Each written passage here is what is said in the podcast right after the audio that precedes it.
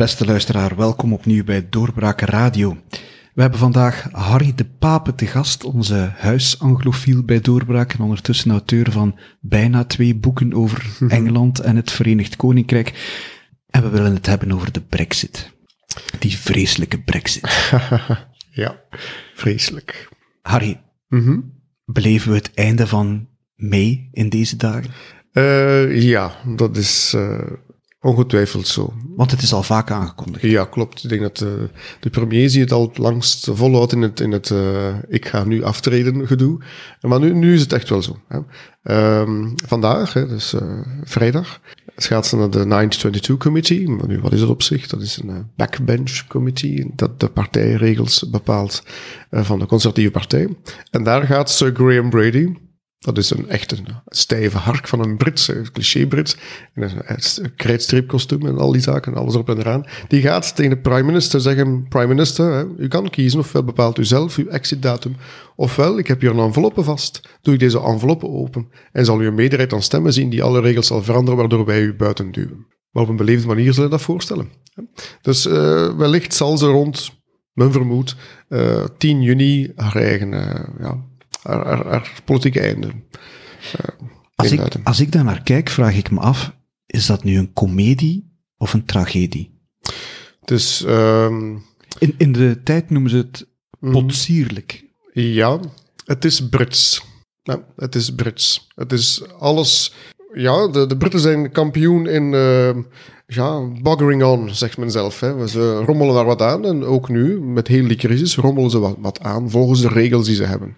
Want uiteraard, ze hebben tradities, ze hebben gewoontes en ze houden ze er ook wel aan vast. Heel dat gedoe vandaag met die enveloppen, dat is ja, op een, ceremonieel op zich overbodig is, hè, maar ze houden daar wel aan vast. We gaan dat op die manier doen.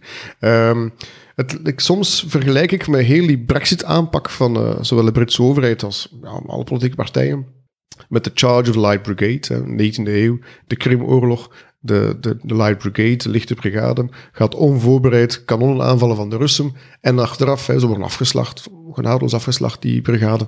Maar het wordt wel verheerlijkt. Kijk eens hoe moedig wij daar, hoe rommelig en hoe absurd wij ten aanval gegaan zijn. En ik heb het gevoel dat zij nu zo die brexit ook aanpakken. Het is een zeer absurde situatie. Maar geraken ze daar eigenlijk ooit uit? Ehm, het hangt er... Want, want alle mogelijke oplossingen, Mhm. die, die zijn in het parlement weggestemd. Klopt. Maar, zeggen de Brexiteers dan, met een andere leider wordt alles anders, maakt men zichzelf wijs. hè. Een zeer goede vraag. Raakt men er ooit uit? Heeft een andere leider een andere mogelijkheid tot een ander compromis? De Britten maken zichzelf wijs van wel, als je aan de kant van de Europese Unie gaat luisteren, want ja, dat is ook een partner aan tafel. Dat vergeet men vaak aan de andere kant van het kanaal, er nog een andere partner zit. Hè.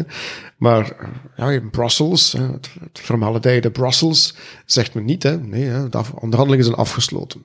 Eh, zij denken nu hè, dat er een nieuwe, als er een nieuwe premier komt, dat die een nieuw akkoord zal kunnen onderhandelen.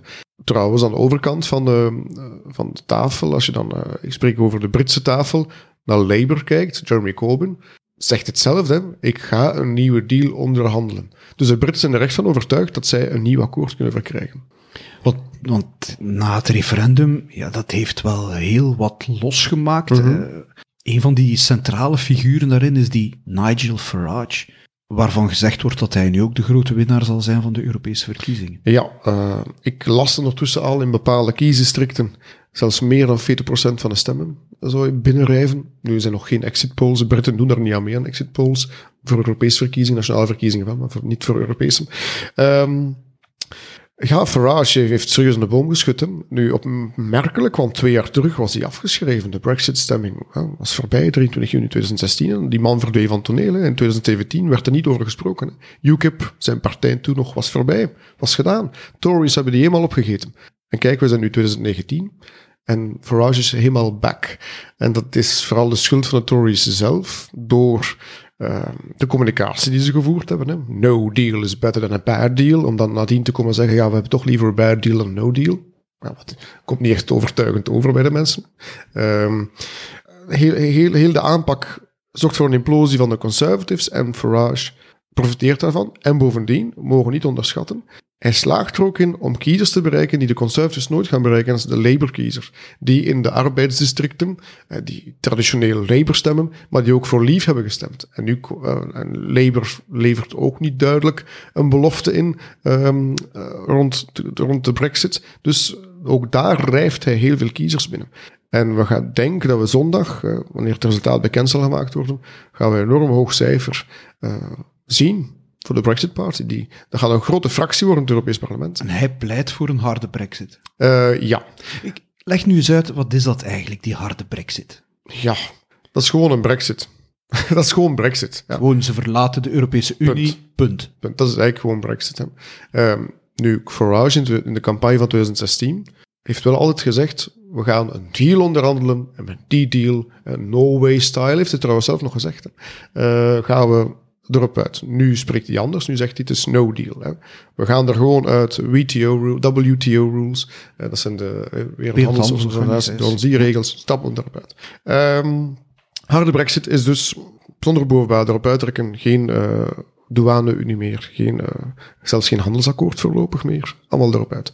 De soft Brexit is dan de, de May-deal op dit moment. Dat is met allerlei afspraken nog uh, rond uh, handelsakkoorden, rond douaneakkoorden enzovoort enzoverder. Die Farage, bij ons wordt, dat voor, wordt die voorgesteld als een clown. Mm -hmm. Is het een clown of, of is hij nee, meer dan nee. dat? Het is meer dan dat. Hè. Het is een gewikste politicus hoor. Let op, hè. dat is de, een van de belangrijkste figuren van ja, de moderne pol Britse politiek. Hè. Die verandert heel dat politieke landschap daar. Op zich al, hè, ook al is het euroscepticisme zeer oud in het Verenigd Koninkrijk. En heb je daar een zeer lange traditie van mensen die zeer kritisch zijn ten opzichte van de Europese Unie, is hij wel een belangrijke factor geweest in uiteindelijk het verwezenlijken van dat referendum. Want hij heeft David Cameron opgejaagd. Hij heeft ook de, de Labour, ook Labour opgejaagd. Hè. Dat mogen we ook niet vergeten. Hij heeft ook Labour bang gemaakt, waardoor zowel uh, de Tories als Labour in 2016 in het parlement massaal voor het goedkeuren van een referendum hebben gestemd. Omdat ze bang waren van UKIP. Dat is Farage, hè. dus die heeft enorme, uh, op dat vlak enorme verwezenlijkingen behaald. En nu ook, hè, heel het partijlandschap wordt onder druk gezet. Um, de kans bestaat zelfs, men vreest zelfs dat de Tories, de jarenlange regeringspartij intussen, en, en, en echt een van de oudste partijen van het land, dat die zelfs geen Europese verkozen meer gaan hebben nu op dit moment. De kans bestaat. Ja. En dat is het gevolg van Farage en Brexit Party. Dus hij is wel een, een significante politicus in de Britse politiek. Dat referendum, die Brexit, heeft, heeft ook enorme gevolgen voor delen van het Verenigd mm -hmm. Koninkrijk dan kijken we vooral in de eerste plaats naar Noord-Ierland. Ja, ja. Um, Noord-Ierland, als je de kaart bekijkt van het Brexit-referendum, en je gaat kijken naar de districten die voor Leave hebben gestemd en de districten die voor Remain hebben gestemd, dan zie je de aloude tweedeling. De katholieke kant van, het, van Noord-Ierland heeft voor Remain gestemd. Het, het protestantse gedeelte heeft voor Leave gestemd. En dat vertaalt zich in alle debatten ook. Uh, wie is er heel duidelijk voor Leave? Dat is DUP. Uh, dat, is, mm -hmm. dat, is ook dat is die protestantse partij die nu Theresa May haar regering nog recht houdt. Um, en dan zie je de Sinn, Sinn Féin districten Remain. Um, en dat, ja, die tweedeling leeft enorm door. En Brexit speelt daar een grote rol in. Want in, men is heel bang in Noord-Ierland dat er terug een harde grens komt uh, op het eiland. En dat zo de oude troubles, uh, die sinds 1997 ongeveer gekoeld zijn, dat die terug gaan opflakkeren. Maar is er een alternatief voor die harde grens? Je kan niet uit de Europese Unie stappen en, en, en geen grens hebben. Klopt. Alleen praat met gelijk welke Brexiteer, en ik heb nu al verschillende gesproken van verschillende hoeken, en die zeggen allemaal hetzelfde. Ja, maar het Verenigd Koninkrijk wil geen harde grens. De Europese Unie en de Ierse Republiek willen geen, geen harde grens. Dus er komt geen harde grens. Maar als je uit de Europese Unie stapt en ook uit die economische ruimte uitstapt, wat er toch het plan is, ook met no deal, um, ook met Theresa May deal trouwens, um, dan komt er sowieso een grens, want je krijgt controles op de goederen die binnen en buiten gaan. En dan zit je daar toch weer mee. En men zegt, ja, we gaan gaan naar een, een Amerikaans systeem, of Amerikaans-Canadees systeem, waarbij we met hoge technologie allerlei checks uh, zullen doen. Wat compleet onrealistisch lijkt, want de Britse douane nu is al een rommeltje. Dus hoe gaan ze in godsnaam dat kunnen verwezenlijken, dat is een groot vraagteken. Dus er komt sowieso een grens. Is dat een van de onontwarbare knopen van dat Brexit-dossier? Ja, ja, toch wel een van de, van de grootste, toch. Um, hoewel dat de Britten de EU verwijten dat de EU het probleem groter maakt dan het is, is het wel een serieus probleem. Ja. Een andere fallout van de Brexit vinden we in Schotland, Mhm. waar opnieuw gesproken wordt over een uh, onafhankelijkheidsreferendum. Ja, maar je moet ver- verder kijken. Hè. Dus de retoriek van de SNP, want het is in dit geval de SNP die echt wel het voortouw neemt. National Party. Ja, en, en daar ook succesvol het voortouw in neemt. SNP, eh, qua retoriek, eh, slaat terug de onafhankelijkheidsstroom. Is ook terug zelfzekerder geworden, want het is een tijdje lang stilgebleven. En dat heeft te maken met verkiezingen van 2017, eh, de nationale verkiezingen toen. Wat bleek dat heel wat Schotten eh, plotseling ook gebieden waar ooit voor de SNP gestemd was, naar de Conservatives gingen. En dat waren gebieden waar de Leave-stem nog vrij sterk stond.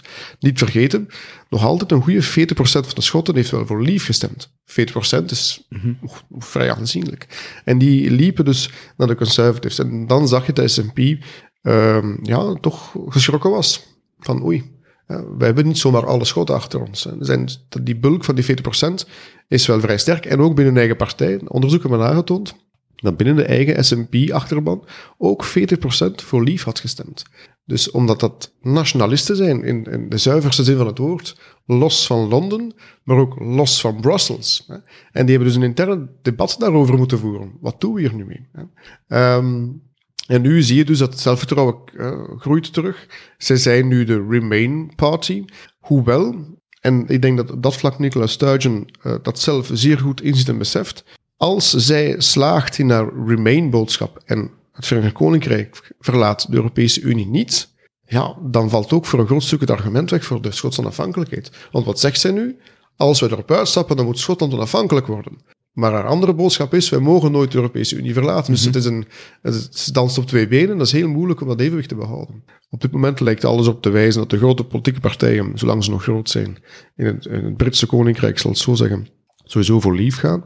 Dus ze kan die dans nog volhouden. Maar stel nu, stel nu dat die brexit wordt ingetrokken, dan valt haar boodschap plat. De Schotten worden ook openlijk opgevreemd door Europa. Ja, ja plotseling wel. Hè. Mm -hmm. uh, het referendum van enkele jaren terug was het net omgekeerd, zoals de Catalanen nu meemaken, ja. in mindere mate wel, omdat, omdat de Britse overheid wel op een andere manier omging met heel die kwestie dan de Spaanse overheid in Catalonië.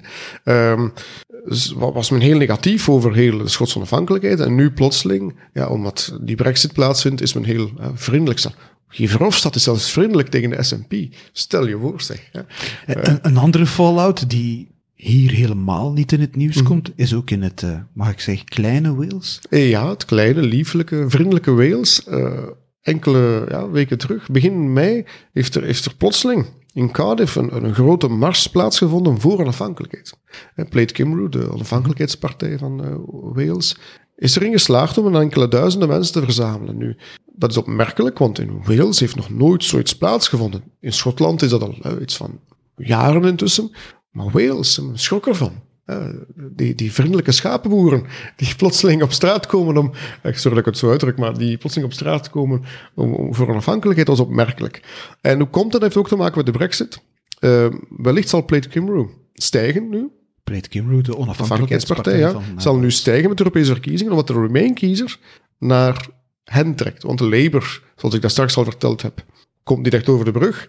En Wales, net zoals Schotland, is vrij links qua traditie. Uh, um, en dus die linkse kiezer trekt dus nu naar Plate Cymru.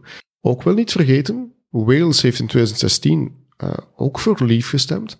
De Brexit Party zal als grootste uit de stembeslag komen voor de Europese verkiezingen. Dus die partij gaat er ook zeer sterk staan. Uh, dus zowel Labour als de Conservative Party gaan, enorm, gaan achteruit gaan in, in Wales. En plotseling wordt dus, omdat Plate Cymru daardoor groeit, wordt de Welsche onafhankelijkheid een nieuw punt in heel het debat. En, en, speelt Europa daar ook een rol in? Nee, voorlopig. Ik heb nog niet de indruk dat Europa al doorheeft dat daar in Wales uh, ook zoiets bestaat. In peilingen toont dat ook wel aan. Uh, regelmatige Britten houden van peilingen. Wij, wij, kennen peilingen, maar de Britten die kennen pas peilingen. Overal is nog wat bestaan peilingen. Um, zelfs over, de, doe je nu eerst melk in je thee of eerst thee en dan pas. Allemaal peilingen over.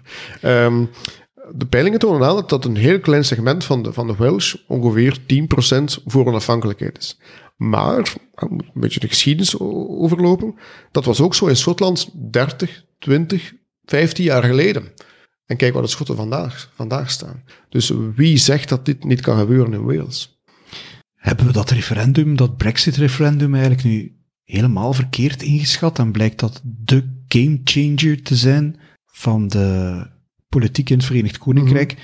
Ook voor de komende jaren, tientallen jaren misschien? Zeker. Uh, de, het debat vandaag in het Verenigd Koninkrijk gaat niet meer over ben je links of ben je rechts. Het debat vandaag in de politiek wordt gedomineerd door heb je voor Brexit gestemd en ben je voor Brexit, of heb je er tegen gestemd en ben je tegen Brexit.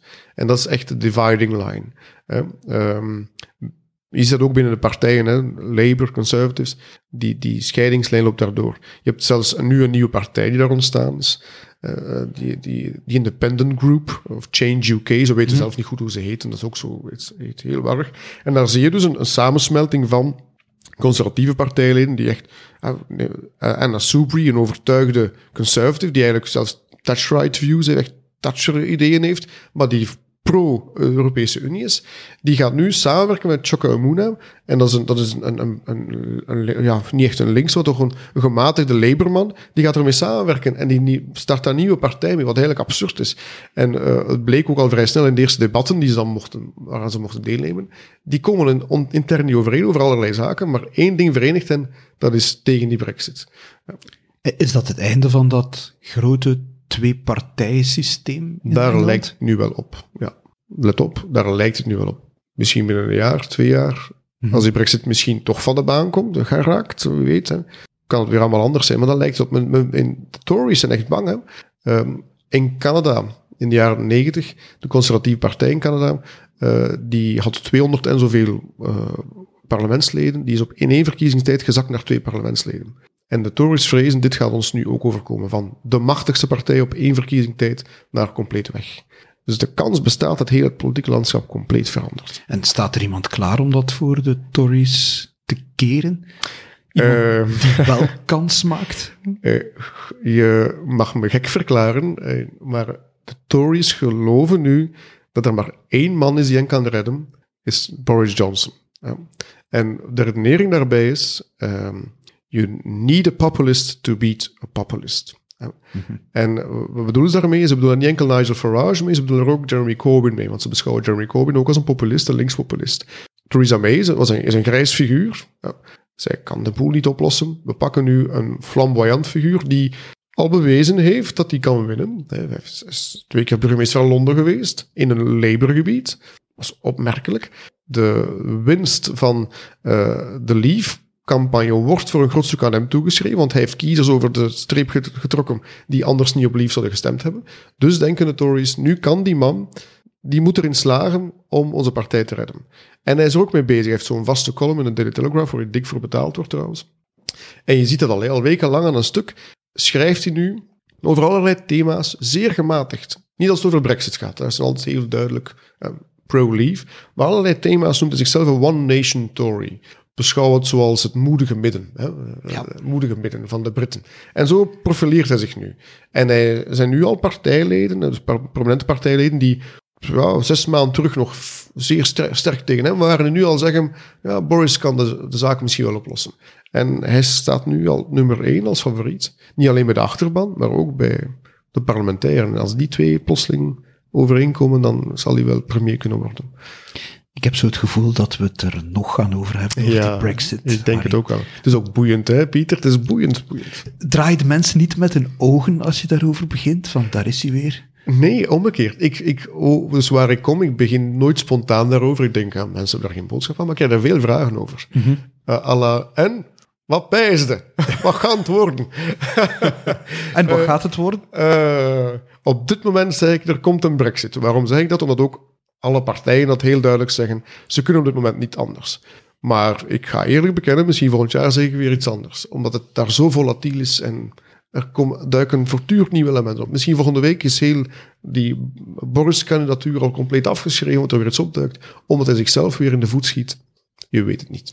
Het blijft een never-ending story. Ja, het is beter dan Game of Thrones en al die zaken. Volg gewoon dat hele verhaal. en dan komen we graag nog eens terug, Harry. Super. Dank u wel. Bedankt voor het luisteren en tot een volgende keer. Dag.